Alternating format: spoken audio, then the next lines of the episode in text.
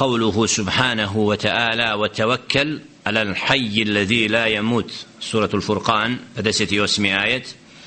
Znači subhanahu wa ta'ala wa tawakkal ala al-hayy alladhi la yamut i osloni se na onoga koji znači ovdje vidimo kako mu Alif rahimahullahu ta'ala navodi tekstove iz Kur'ana Kerima iz objave koji govore o svojstvima Allaha subhanahu wa ta'ala pa kaže jalla sha'nu wa tawakkal ala al-hayy osloni se na onoga koji je živ alladhi la yamut koji ne umire التوكل istinski oslonac na Allaha subhanahu wa ta'ala kako ga ulema definiše je صدق الاعتماد على الله في جلب, المنا جلب المنافع ودفع المدار مع الثقة به سبحانه وتعالى وفعل الأسباب الصحيحة da istinski tevakkul čvrsto oslanjanje iskreno na Allaha subhanahu wa ta'ala u postizanju određenih korisnih poslova i isto tako da budemo sačuvani od onoga što je štetno sa čvrstim ubjeđenjem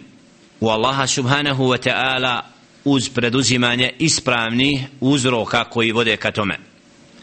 Znači, sitkul etimad, iskren oslonac na Allaha subhanahu wa ta'ala, an ta'temide ala Allahi etimadan sadiqan bihajsu la tes'al illa Allah, لا تسأل إلا الله تقول رب استنسكي أصلنا الله سبحانه وتعالى tako da ne moli nikog do njega subhana wala tasta'inu ila billah istinsku pomoć ne traži samo od njega wala tarju illa Allah i wala takhafu illa Allah ne želi nikoga do Allaha subhanahu wa ta'ala u njega se uzda i ne boji se nikoga do njega Allah, Allaha subhanahu wa ta'ala تعتمد على الله عز وجل بجلب المنافع ودفع المضار znači da se čvrsto oslanja na Allaha subhanahu wa ta'ala u postizanju hajirli ciljeva, hajirli poslova, a istovremeno da se čvrsto oslanjamo Allaha subhanahu wa ta'ala u tome da nas On spasi svega ona što je štetno. Da je tevakul od onoga što je svojstvo istinskih vjernika i obaveza upravo govori nam slučaj u bici na Huneinu kada je skupina ashaba ridvanullahi ta'ala alejhim bila u velikom broju u bici pa kad su neki od prisutnih rekli da neće biti poraženi zbog velikog broja kojih je bilo oko 12.000 ratnika.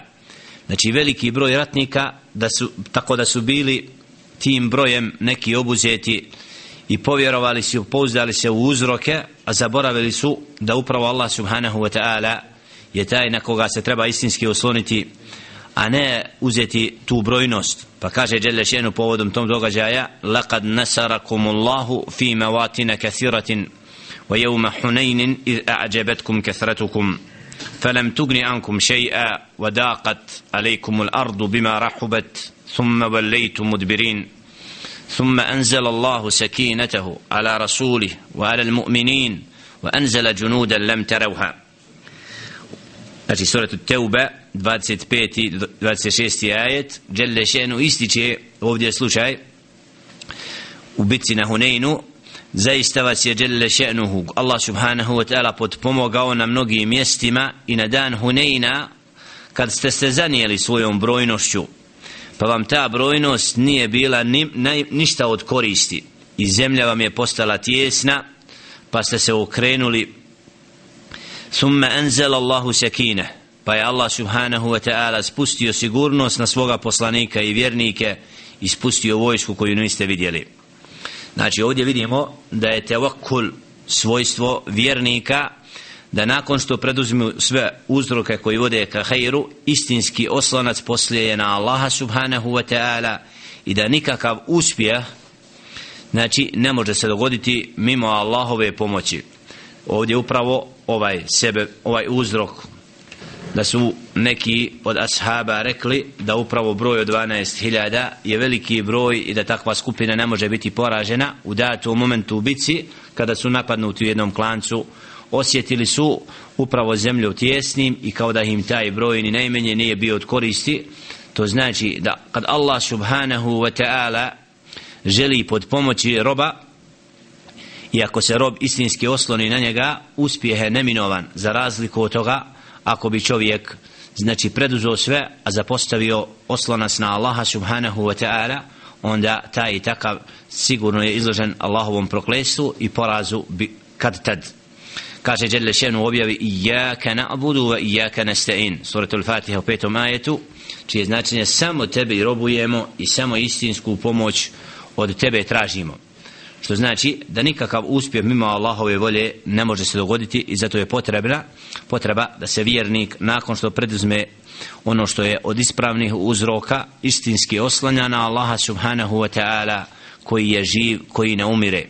Alal hayy alladhi la yamut. Ovdje vidimo svojstvo Allaha subhanahu wa ta'ala da je vječan, da je živi onaj koji ne umire znači onaj koji nema ko sebe nikakva svojstva manjka, manjkavosti za razliku od onih koji krivo vjeruju pa uzimaju kipove i na njih se oslanjaju kaže Đelle Šehnu za takve والذين يدعون من دون الله لا يخلقون شيئا وهم يخلقون أموات غير أحياء وما يشعرون أيان يبعثون سورة النحل 20 21 آية a oni koji se mole nekome drugom im Allaha subhanahu wa ta'ala oni ne mogu stvoriti ništa jer su oni stvoreni. Oni su mrtvi a ne živi. Ali oni to ne osjećaju. Znači ovdje vidimo da Allah subhanahu wa ta'ala traži da rob istinski se oslanja na Allaha subhanahu wa ta'ala i ne smije se osl ne smije tevakul znači svojstvo koje vjernik nosi u svome srcu ne smije se oslanjati ni na kog drugog do, da Allah, do na Allaha subhanahu wa ta'ala jer je ona, on je taj na koga se njegovi istinski robovi oslanjaju a sve drugo što je Allah subhanahu wa ta'ala stvorio od stvorenja znači ne smijemo se istinski pouzdati na to jer mimo Allahove volje ništa se ne događa kaže Jelle še'nuhu surat šuara وَتَوَكَّلْ عَلَى الْعَزِيزِ الرَّحِيمِ i osloni se na veličanstvenoga milostivog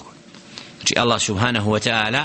znači ističe svoja svojstva kad poziva robove da se oslanjaju na njega ističe svoju savršenost po tome da je on taj koji je koji je veličanstveni subhanahu wa ta'ala milostivi onaj koji ne umire znači onaj koji je dostojan da se istinski na njega oslanja.